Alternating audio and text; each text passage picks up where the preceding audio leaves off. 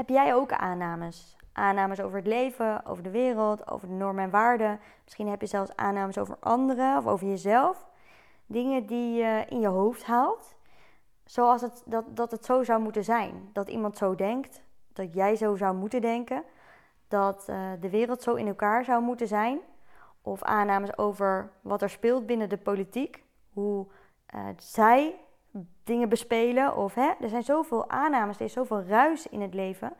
Want we kunnen niet in iemands kopie kijken, even een, een naaldje in iemands hoofd doen en luisteren wat iemand ons te vertellen heeft. Oké, dat klinkt ook wel heel creepy, toch? Maar waarom hebben we nou zoveel aannames? Aannames die ons helemaal niet meer dienen. Aannames die allemaal scenario's creëren in je hoofd die alleen maar energie kosten. Super irritant, toch? Ik ga je in deze podcast even meenemen uh, waarom we die aannames hebben. En wat je kunt doen om van die aannames af te komen. Een aanname is dus eigenlijk een beeld wat jij in je hoofd hebt gevormd over een bepaalde situatie, over jezelf of over het leven. En eigenlijk kwam ik op dit onderwerp omdat ik bezig was met content over uh, mijn relatiestruggles. Uh, Rens en ik hebben een podcast samen opgenomen. En daarin hadden wij heel veel aannames naar elkaar.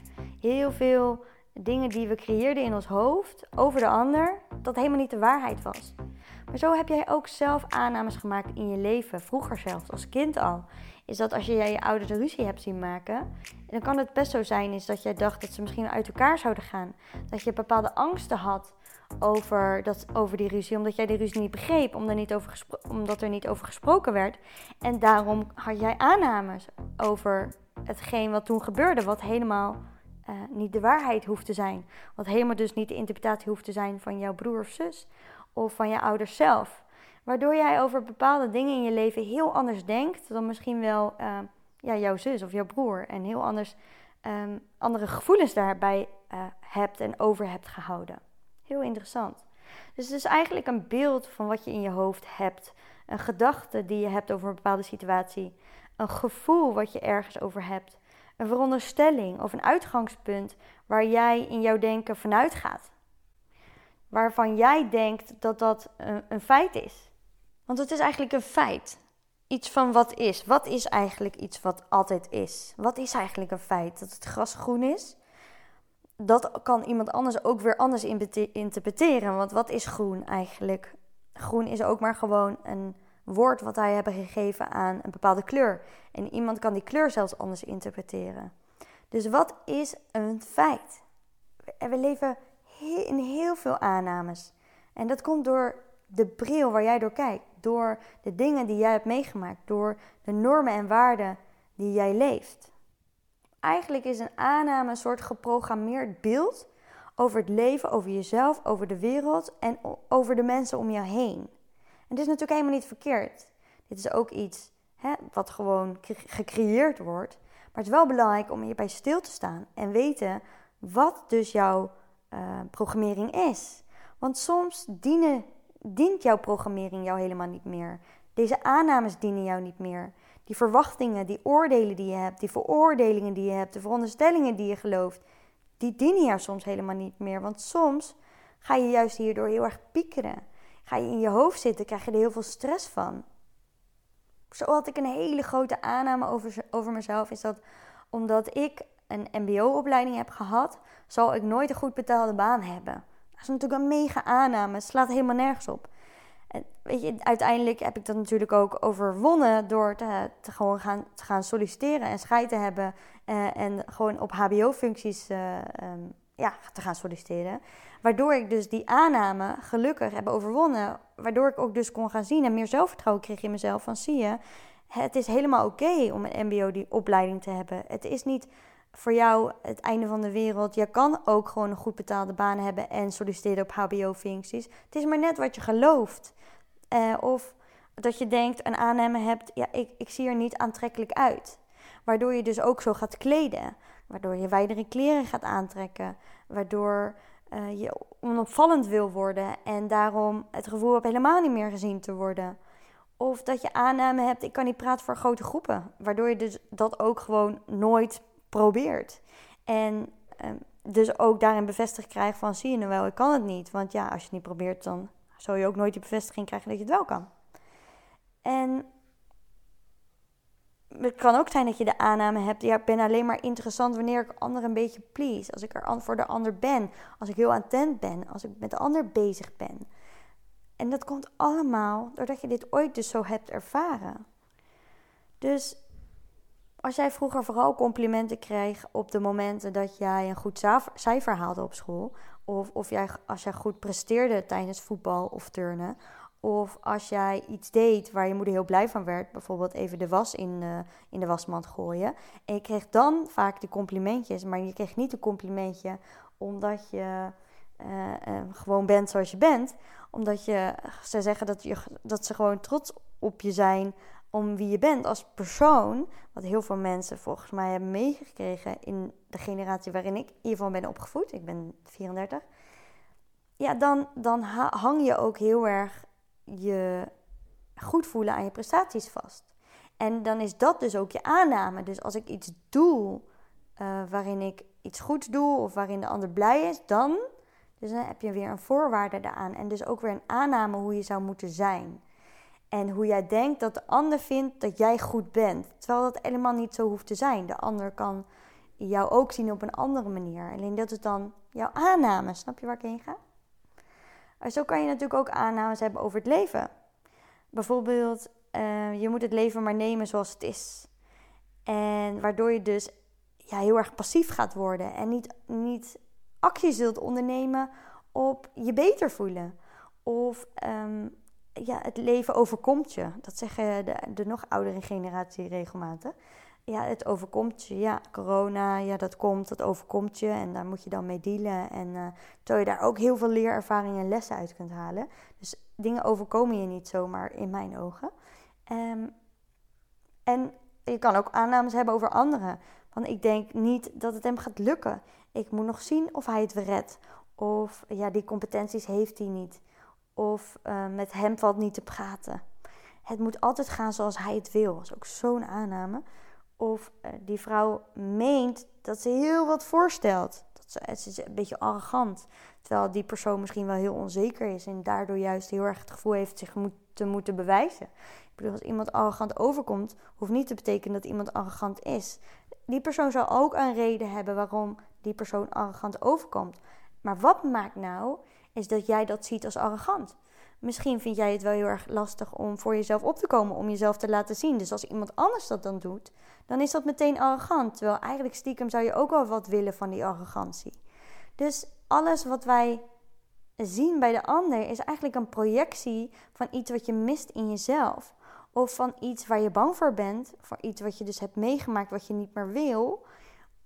En dus is dat een vet mooi leermoment om iets te halen uit die aannames. Uit iets wat jij dus misschien zelf ook wel mag gaan ontwikkelen. Uh, of iets wat jij mag gaan verifiëren met de ander. Om even te checken ook van, zeker in je relatie, van hey, is dit wat je bedoelt of niet? Voordat het een heel eigen leven gaat leiden in je hoofd. En jij al allemaal piekergedachten en scenario's hebt bedacht. En dat uiteindelijk dus dit ook projecteert weer in je relatie bijvoorbeeld. Waardoor je weer ruzie krijgt en waardoor het weer chaos wordt in huis. Of niet gezellig. Dus aannames zijn dodelijk. Aannames moet je echt loslaten. Zo is er ook een mooi verhaal van Stephen Covey. En daarmee sluit ik hem af. Een krachtige, maar korte podcast dat je moet stoppen met aannames. Maar deze man, die uh, is schrijver, een hele bekende schrijver. En die had het verhaal, en ik ga het nu navertellen. Dus hè, dat is mijn interpretatie ervan. Dus hou me er niet aan vast. Maar hij zat in de metro en hij was onderweg naar huis van werk. En in de volgende, bij de volgende halte stapten er drie gillende kinderen in, samen met de vader. En Steven dacht, wat irritant zeg, dat die man die kinderen zo laat rondrennen. En hij zag ook andere mensen een beetje storend om zich heen kijken en hij ergerde zich eraan. En wat dan mooi is aan Steven, is dat hij dan wel dus um, voelde dat hij verantwoordelijkheid wilde nemen voor wat hij ervaarde. Dus dat is mooi hè. Verifieer altijd je aannames, maar houd wel netjes. Buiten dat soms ook aannames dodelijk kunnen zijn. Want wat gebeurde er bij Steven? Hij ergde zich er zo aan, dus hij ging naar die vader, wat in principe hè, in deze situatie ik niet zo snel zou doen, maar wel in een situatie in je relatie of zo, als je ergens mee zit, is dat je het even checkt bij je partner. hey, uh, ik voel dit en dit, klopt dat? Maar Steven deed dit dus eigenlijk ook. Hij ging naar die vader zitten en alleen er kwam meteen een oordeel uit. Want hij zei tegen die vader: hey, ik en veel andere mensen hebben last van je kinderen. En um, die zo aan het rondrennen zijn. En we storen ons eraan. Dat is een aanname natuurlijk, want wie zegt dat iedereen zich aanstort. Maar hij neemt wel zijn verantwoordelijkheid, dus mooi. Waarop dus, dus die man zei, die vader, ja, we komen net uit het ziekenhuis en hun moeder is overleden. Auw. Dus zo'n aanname kan je doen, zo van dat je denkt, ik ga erger me aan, ik storm me eraan, je hebt de waarde, je moet gewoon hè, uh, je netjes gedragen, je moet je aanpassen aan anderen. Dan zul je dus storen aan die kinderen. Want jij moet ook altijd je gewoon netjes gedragen. Dus die kinderen moeten dat ook doen. En als ze dat niet doen, dan erger jij je eraan. Nou, dus het mooi dat je verantwoordelijkheid neemt, maar je weet niet altijd wat eronder zit, wat erachter zit, waar het mee te maken heeft. En zeker bij kinderen is dat zo. Kinderen reageren altijd op de situatie vanuit huis. Dus als er kinderen zijn die heel veel aandacht vragen, die duwen, die slaan, die um, ja, te veel van je vragen of andere kinderen plagen of weet ik veel wat, dan zal er een, regen, een reden voor zijn. En er is altijd een reden dat een kind reageert zoals hij reageert. En blijkbaar als een kind slaat, voelt hij zich even op dat moment niet gezien en weet hij niet hoe hij ermee om moet gaan. Dat heeft I bijvoorbeeld ook. En dan, hij zal niet zomaar zo een vreemd kind slaan. Hij slaat dan bijvoorbeeld Jent en Jent slaat dan Ibe. En zij zitten nu in zo'n dynamiek. Is dat wij ze leren praten over dingen. Alleen dat lukt niet altijd. En dat is oké, weet je wel. Ja, het is niet oké dat er geslagen wordt. Maar het is wel oké dat ze iets voelen. En dat dat er dan op dat moment mag zijn. En ze weten dat ze niet mogen slaan. Dan praat je daar weer over. Is weer een leermoment. En door. Weet je wel. En de volgende keer als je het aan ziet komen, zeg je: hey, wil je misschien wat zeggen, Ibo? Wil je misschien wat zeggen, Jent? Als je al ziet dat het eraan zit te komen. En zo leren ze dat. En, maar zo is dat natuurlijk ook met kindjes die misschien ouders hebben die heel veel ruzie maken. Of die weinig aandacht voor ze hebben. Of waarvan ouders in een scheiding liggen. Of uh, waarbij mijn broer bijvoorbeeld, die was vroeger ook iemand die, ja, die werd gepest. En ja, hij ging op een gegeven moment ook op losslaan om zichzelf te verdedigen. En, uh, maar ja, onze thuissituatie was ook niet echt heel fijn. Dus daarin is hij ook niet genoeg gesteund geweest, omdat er ook heel veel mensen hadden, denk ik, naar hem als aanname, dat is weer mijn aanname, dat hij ja, niet leuk was of dat hij geen goed persoon was. Want ja, hij kon in één keer uh, je een klap geven. Weet je wel, als hij gepest werd, dan uh, kon hij echt heel boos worden. Want hij voelde zich daarin heel erg niet gezien. En dat had ook weer een reden. Dus we kunnen niet voor de ander oordelen of over de ander oordelen of aannames doen, want we weten helemaal niet wat er in iemand speelt. En iemand reageert altijd zoals hij op dat moment zich voelt. En daar kunnen we juist alleen maar heel erg veel compassie en voor hebben, vind ik. Buiten dat er natuurlijk grenzen zijn en jij grenzen hebt. Maar dan hoeven we nog steeds geen aannames te doen. En mogen we nog steeds de ander in hun waarde te uh, laten. En hoe mooi is het als iedereen zichzelf in hun waarde gaat laten. En iedereen loskomt van de aannames en oordelen. Dan wordt de wereld veel vrediger. Dan gaat iedereen zich meer bezighouden met zijn eigen leven. En ik denk dat dat veel belangrijker is. Dat je niet stilstaat met hoe de politiek dingen doet. Of hoe de maatschappij dingen inricht. Of hoe de buurvrouw zich gedraagt. Of hoe vrienden van jou bepaalde keuzes maken. Of jouw partner dingen op een bepaalde manier. Oké, je partner, daar woon je mee samen. Dat is wel belangrijk, hè? Dat je daar een beetje uh, vrede mee hebt. En dat je daar ook over kan praten. Maar het is vooral belangrijk dat je iedereen laat zijn zoals ze zijn. En dat jij kan zijn zoals jij bent. En als je al die dingen van andere mensen loslaat. Oeh, want ontstaat er dan een rust in je leven. Als je alleen maar nog bezig gaat houden met jezelf. En met hoe jij je leven wil leven. En hoe jij je wil voelen. En hoe jij je wil gedragen ten opzichte van de ander. Want alleen dat kan je veranderen. Je hebt geen invloed op anderen.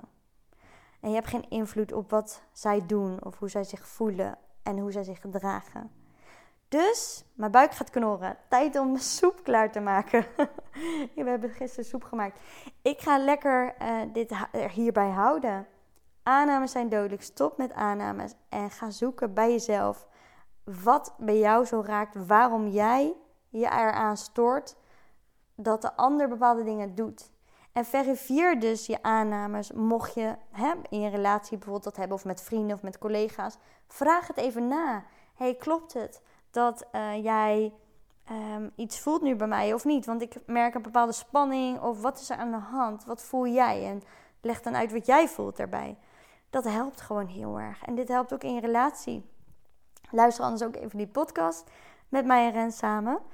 Uh, twee podcasts hiervoor. En dan um, ja, ga uit die aannames. Yes, wil je hier wat mee? Wil je weten wat er achter jouw aanname zit? Of waarom jij in je hoofd zit of piekert? Of waarom jij bepaalde doemscenario's continu in je hoofd herhaalt en, en vast blijft lopen daarin, in diezelfde patronen? Dat is namelijk super interessant, want dan kan je dan pas, op het moment dat je weet waar het in zit, als je je bewust gaat worden, kun je het gaan erkennen en dan kun je het gaan doorbreken. En heb je niet helder hoe je dit kunt doen, dan kan je natuurlijk ook hulp vragen. Dit kan je doen bij iemand anders, maar je kan natuurlijk ook even checken uh, of je bij mij nog een gratis break-open sessie kunt aanvragen. Dit kun je doen op lean-forward en dan link in bio. En dan staat er gratis break-open sessie. En dan gaan we even bespreken wat het bij jou maakt, waarom jij zo in je hoofd zit en piekert en zoveel aannames hebt. En hoe je dit bij jezelf kunt oplossen. Waardoor er dus rust ontstaat in je hoofd en ook niet meer zo hoeft bezig te zijn met anderen. Maar die energie stopt in jezelf. Waardoor jij zelf veel meer zelfvertrouwen krijgt. Waardoor je zelf in rust kunt leven. En jouw beste leven kunt leven zonder je druk te maken over van alles en nog wat. Oké? Dan hoor ik het graag. En heel erg bedankt voor het luisteren. Super tof. En ik zou het ook heel erg tof vinden als je hier veel uh, informatie uithaalt en dat je heel veel podcasts aan het luisteren bent, is dat je ook even een review achterlaat. En dan hoef je niet eens te typen. Je kan gewoon even op die sterretjes drukken in Spotify of iTunes. En dan maak je daar mij al heel erg gelukkig mee. Dus super bedankt. Doei!